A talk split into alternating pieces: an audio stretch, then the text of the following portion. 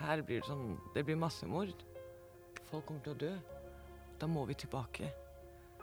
Og når de ville dra tilbake, så ga Norge beskjed til Danmark på grensen at de ikke kommer inn. Du lytter til Likestillingspodden, som er Likestillingssenteret kun sin podkast. Programleder er Ingjerd Hansen, og Anush Kadka er redaktør. Tema for denne episoden av Likestillingspodden er beklagelsen som ble gitt til Norsk Rom av statsminister Erna Solberg i 2015. Hvorfor kom denne beklagelsen? Hva er historien til folkegruppa som før ble kalt norske sigøynere?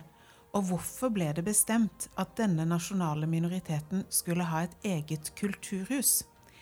Likestillingspodden tok turen til kulturhuset Romano Care i Oslo til en samtale om roms historie i Norge med Safira Josef og Kari Gran.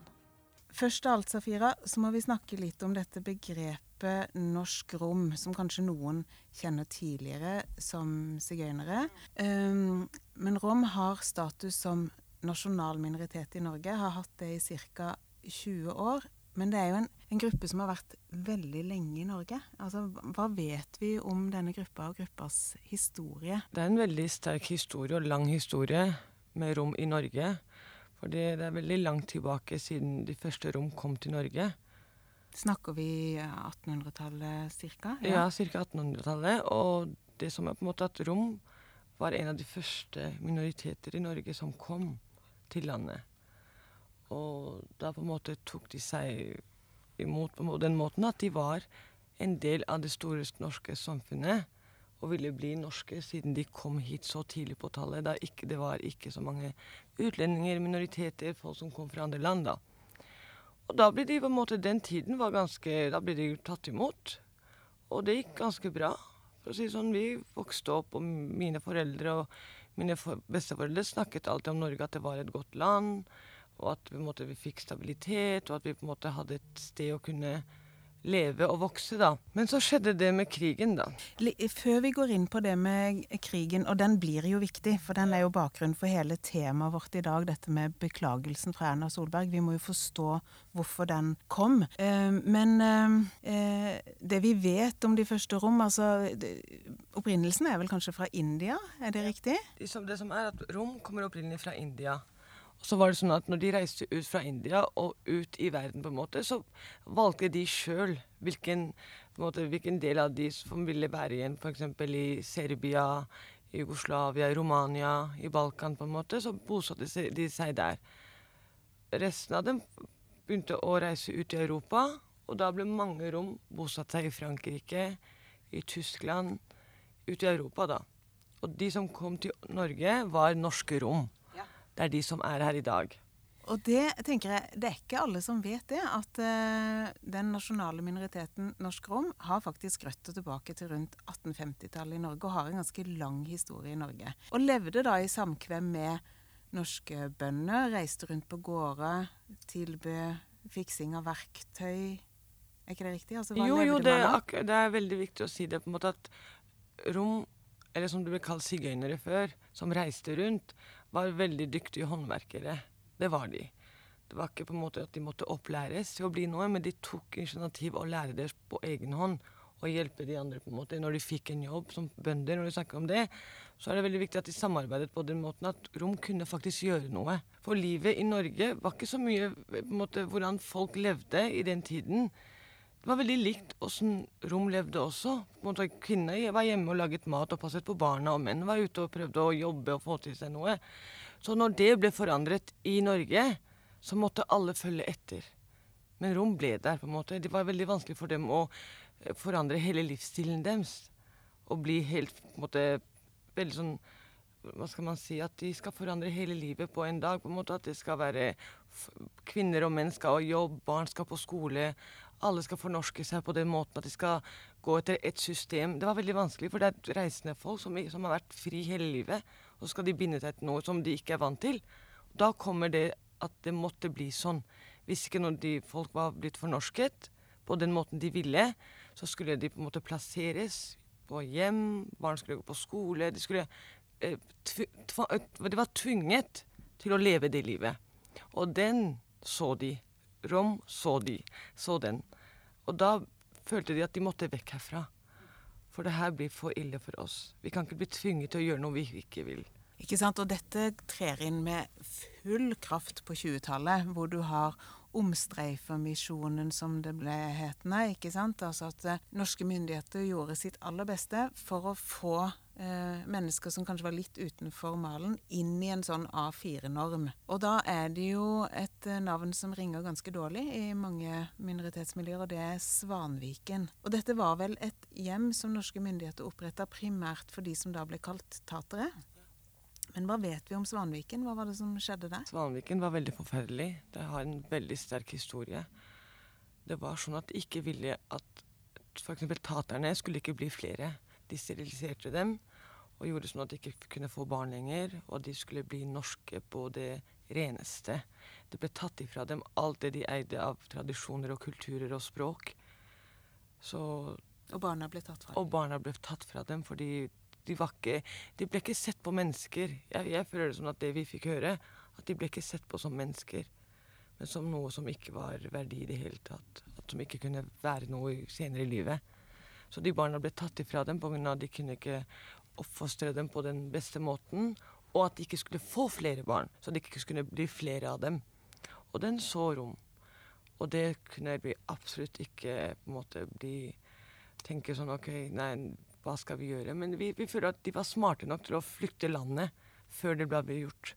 Før det ble gjort det samme med dem. For det som da har skjedd, er jo at Justisdepartementet eh, har eh, definert rom som et kriminelt folkeferd. Man har sagt at vi kan ikke stole på det sigøynere sier. De kalte de sigøynere da. De bare lyver. Så dermed så ble jo statsborgerskapet òg tatt fra de norske rom, for man sier vi kan ikke stole på den informasjonen de har gitt. Eh, så det er kanskje de lyver om hvem de er, vi tar fra de passet de sitt. Ganske sånn grove overtredelser som jo aldri hadde gått i dag. Så kommer trusselen om Svanviken. Romfolket tenker vi kan ikke være i Norge. Nei. De reiser ut av de Norge. De reiser ut av Norge. De tar med det de har, og reiser ut. Og står da egentlig uten pass, men de er norske. De er norske statsborgere. Men uh, passet, det er tatt fra de. De ga beskjed på en måte når de var i De reiste til Europa, og så var det det som skjedde med krig med Hitler og konsentrasjonsleirene. Ikke sant, Vi er på 30-tallet. Hitler er på full fremadstormende i Rom og alle de som ikke var av verdi for Hitler, skulle bare gasses i hjel. Og i dette Europa befinner nå de norske rom seg. Hva gjør de? De ser den, og så tenker de vi må tilbake til vårt land. Det her, det her er verre enn det på en måte vi reiste fra. Her blir det sånn Det blir massemord. Folk kommer til å dø. Da må vi tilbake. Og når de ville dra tilbake, så ga Norge beskjed til Danmark på grensen at de ikke kommer inn. At de må bli sendt tilbake. Og de, de norske passene de har, er ikke ekte pass. De har, ikke, de har verken statsborgerskap eller noe i Norge. Så de har ikke noe adgang inn til riket.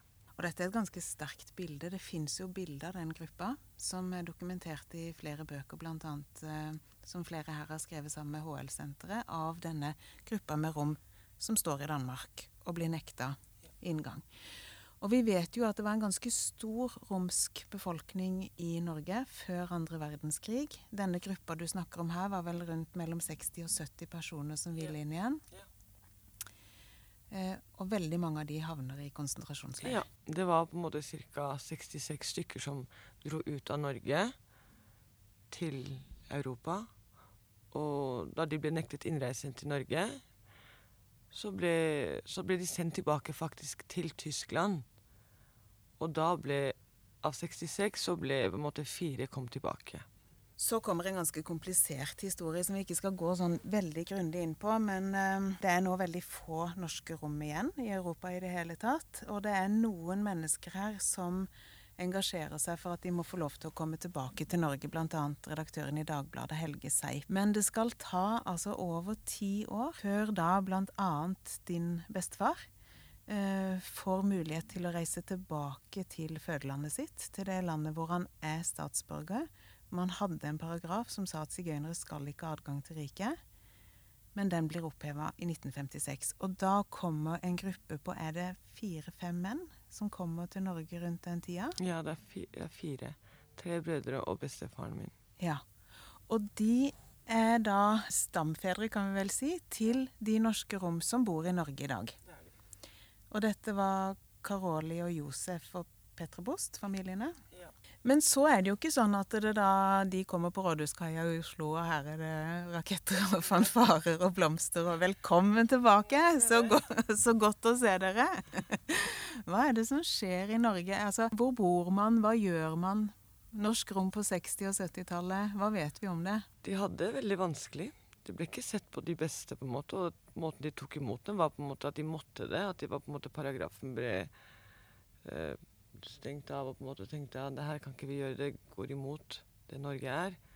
Og så fikk de lov å komme inn, men de ble veldig dårlig sett på, forfulgt, dømt. Alle de på en måte For at de skal føle seg utrygge i sitt land hvor de har statsborgerskap. Og de ble satt på f.eks. gassverktomta. Der ble de satt med campingvogner, for det var der de levde. De levde i campingvogner og i kjeller. Så de fikk tildelt et område i Oslo, gassverktomta. Bare navnet på den etter det de, de gikk gjennom, er veldig sånn Det er, jo, her? det er jo helt absurd. Her har de gjennomlevd holocaust, og så får de tildelt gassverk. Og da ble de på en måte Man kan si buret inne, da. Det var høye gjerder over hele gassverktomta. Det var veldig Det var ikke et sted hvor folk kunne bo. Det var ikke sånn Det var ikke det Det, det krevde mye mer at et menneske skal bo et sted, men det fikk de tildelt fordi de var rom, rett og slett. Du har kalt det litt sånn sirkus, altså at folk sto på utsida og kikka litt inn òg. Ja, folk kom, og det stedet faktisk hadde publikum som så på barna i flere omganger. De kom og så på som om det var eh, sirkus, kan man si. Klovner og dur og For de lekte ute, og de var et folk som var samlet og hadde smil uansett hvordan det var. Fattigdommen var langt høyt oppe, på en måte. Og de var fattige, de hadde ikke mye. Men de var glade, og de lekte, og de smilte og hadde det bra sammen. Og det var veldig i, I Norge da var det på en måte veldig A4, som, som du sier. Folk skulle på en måte være veldig ordentlige, og ikke Alt utenom ordentlig er ikke bra. Nei, Nå er vi i husmødrenes storhetstid. Nå er vi i hvite laken. Obos-leilighetene kommer. Ja. Ja. Men eh, jeg syns det er interessant, for du har tidligere sagt at du har intervjua en del av de som bodde på gassverktomta, noen av de eldre. Ja, og hva forteller de om den tida? Det de forteller, er på en måte de, det, det var en tid hvor alle var samlet. De fikk komme tilbake. Den, styre, den store frykten var borte fra Hitler. på en måte at De, ble ikke, de som kom tilbake, unnslapp døden når de kom tilbake til Norge. Og bare det var stort. De, de trengte ikke noe mer. De trengte ikke noe spesielt økonomisk støtte eller hjelp fra Norge. Bare at de unnslapp døden, var det det de på en måte, det var det de, de der vant de. Og når de kom inn, og det var et, et, en tid hvor de sier at den var fantastisk. De var sammen, og barna var sammen, og de hadde tilknytning til hverandre. Det var sånn på en måte felles, felles måltider. Var det noen som hadde lagd mat, så spiste alle sammen. De, de var på en måte delte alt sammen. Og det savner de faktisk. Dette fellesskapet. Det fellesskapet som vi har mistet, rett og slett, i dag. Det har vi ikke lenger. Vi har litt av det, men absolutt ikke som det var i alle tider, på en måte. Men dette er jo kanskje noe av grunnen til at det er viktig å, å reise ut litt. Jeg vet at mange rom reiser ut på sommeren. Altså eh, møtes Som du sier, dere er en veldig liten gruppe i Norge. Bare det å opprettholde språket, opprettholde et fellesskap. Veldig vanskelig.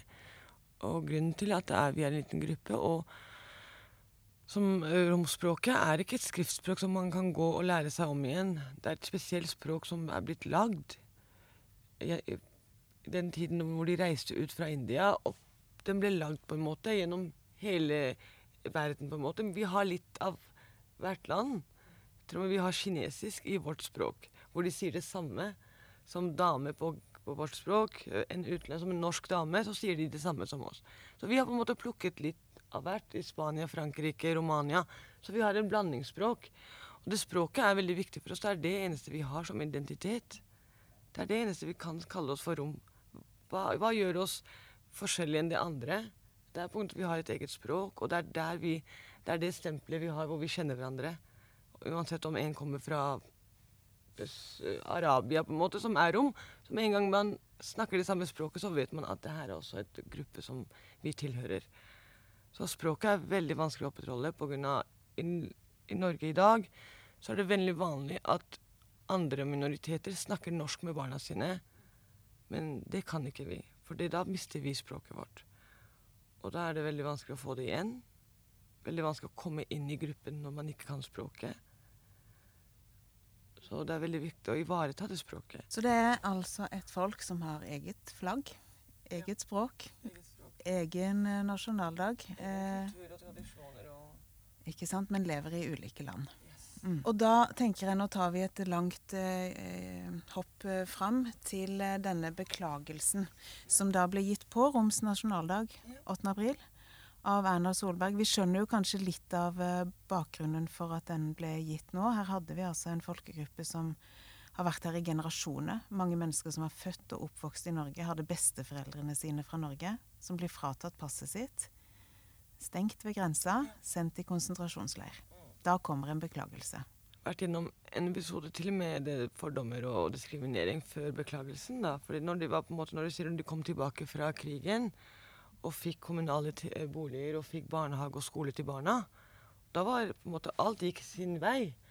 Nå var, på en måte, nå var landet en tok imot romfolk på en måte, for at de skulle hjelpe dem med å få skolegang, få hjelp, på en måte, få kommunale boliger, få et sted å være. Og da kommer diamantkuppet. Om igjen skjer det. Kan du forklare diamantkuppet kort? Det er ikke sikkert alle vet om det, Safira. Hva var det for noe? Det jeg husker fra noe som min mor fortalte meg, var at måte, vi, hadde, vi hadde på det reneste. Vi hadde kommunale boliger, vi gikk på skole, barna gikk på skole.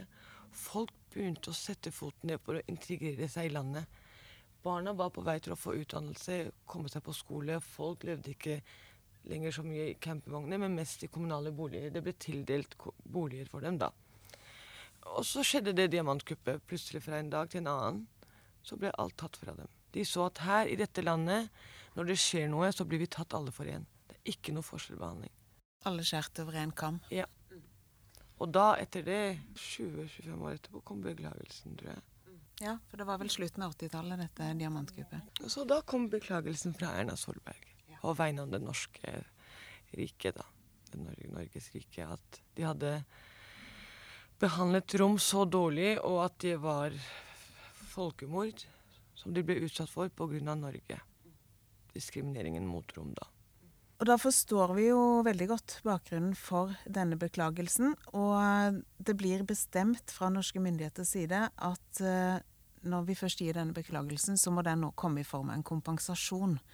Her må det følge noen penger med. Uh, det må komme en form for oppreisning. Eh, og det var jo da ikke aktuelt å dele ut penger til hvert medlem. Man ønska å gjøre noe annet. Og hva er det som skjer da, Kari? Nei, Det som skjer da, er at departementet tar kontakt med Kirkens Bymisjon og spør om vi kan tenke oss å jobbe sammen med norske romer om eh, hva denne oppreisningen skal bestå i, da.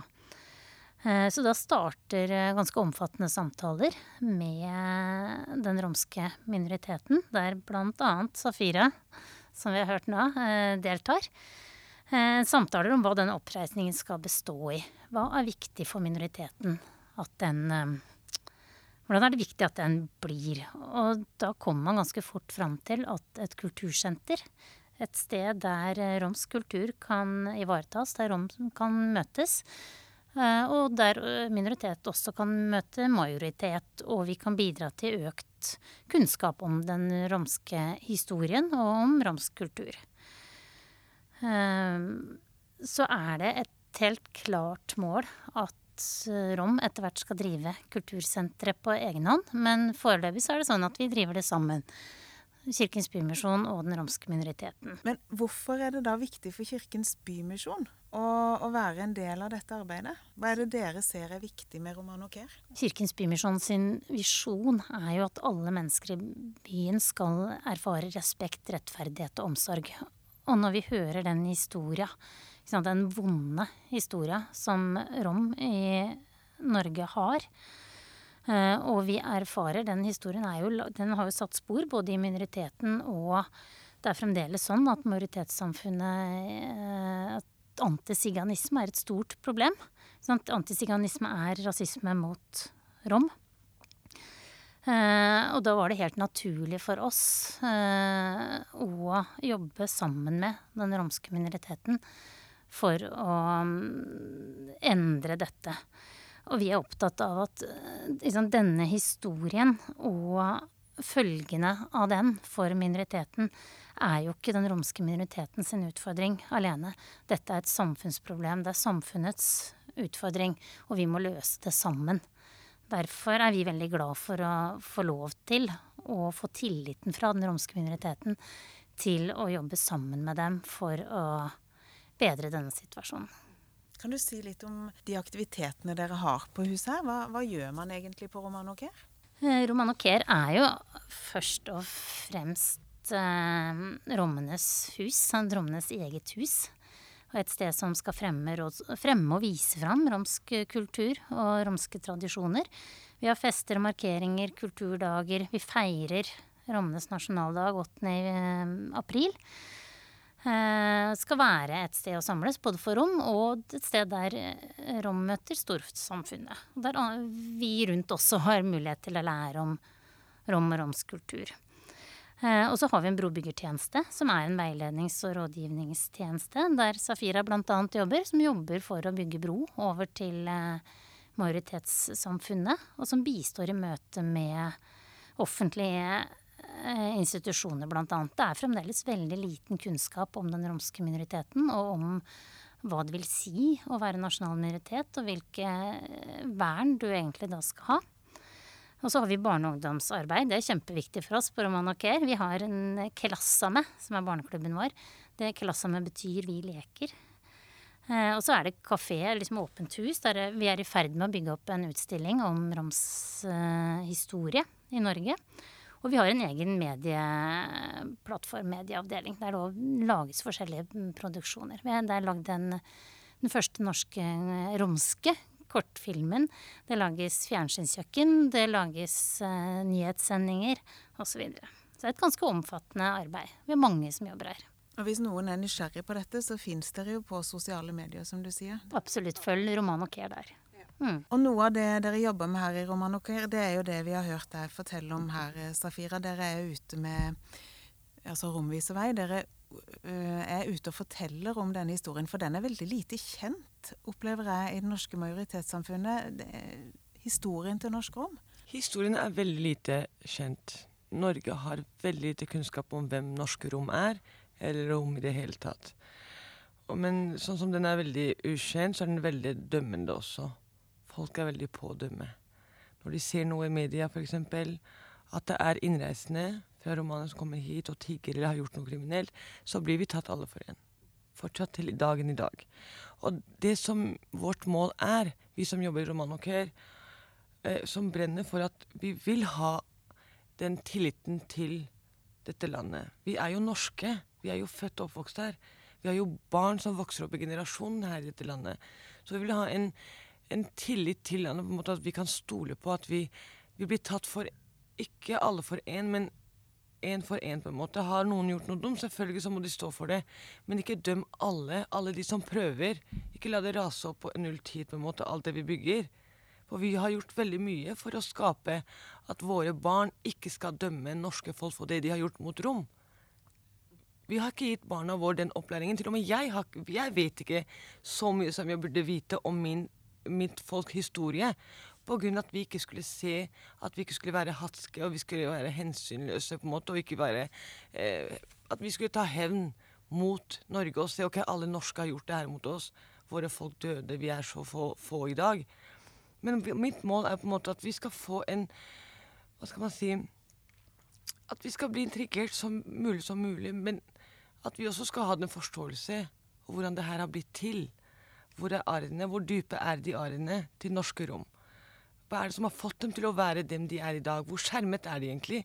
Hvorfor er ikke de en av de andre minoriteter som, som er i universitetet og utdanner seg? Hvorfor er ikke de jentene advokater? Hvorfor er ikke de mennene på en måte store politikere? Hvorfor har ikke det blitt noe, Noen av dem har ikke gått så langt som de burde ha gått. Det er pga. at det ble tatt ifra oss. Den frukten som vi ble vokst opp med, som våre forfedre hadde, den har gått over til i dag. Den, den påvirker i dag. Fortsatt i dag. Barn, ungdommer. Den er der. Norge er et systematisk land. Den har et system rettet mot oss. Og det systemet er veldig vanskelig å knekke. Alt er dokumentert i Norge. Det er dokumenter som går av fire arket, og der står det alt. Men jeg, jeg tenker at vi, vi, går mye på følelser. Vi, vi, vi går mye på kunnskap. Vi, trenger å kjenne en før vi begynner å dømme. Da mener jeg virkelig å kjenne en. Da vite hvorfor er det sånn, hva er det som har skjedd med det mennesket som har blitt sånn. Men sånn er det ikke i Norge. Har du gjort noe dumt, så er det det som da, da, da, da sier de OK, vi har et annet eksempel her, som har gjort det samme. Da må det vel være det samme. Sånn er ikke vi. Vi ser ikke alle på én. Vi ser ikke og dømmer alle i én kamp, på en måte. Og det har vi lært barna våre å gjøre. Men jeg syns det viktigste, som du sier, hvordan skal vi gjøre det her bedre? Norges land må vite mer hvem Norske Rom er. De må kunne historien. De må kunne hvordan det her har blitt til. De må lære seg å vite hvor dypt er de såret, egentlig. Hva er det som har gjort dem til det de er i dag? Vi kan vise dem også det gode vi har bryllupene, tradisjonen, at vi er felles. Det, er mye godt i det vi har. Jeg sier ikke at alle er perfekte. Alle, hver gruppe i verden har noen dårlige og gode sider.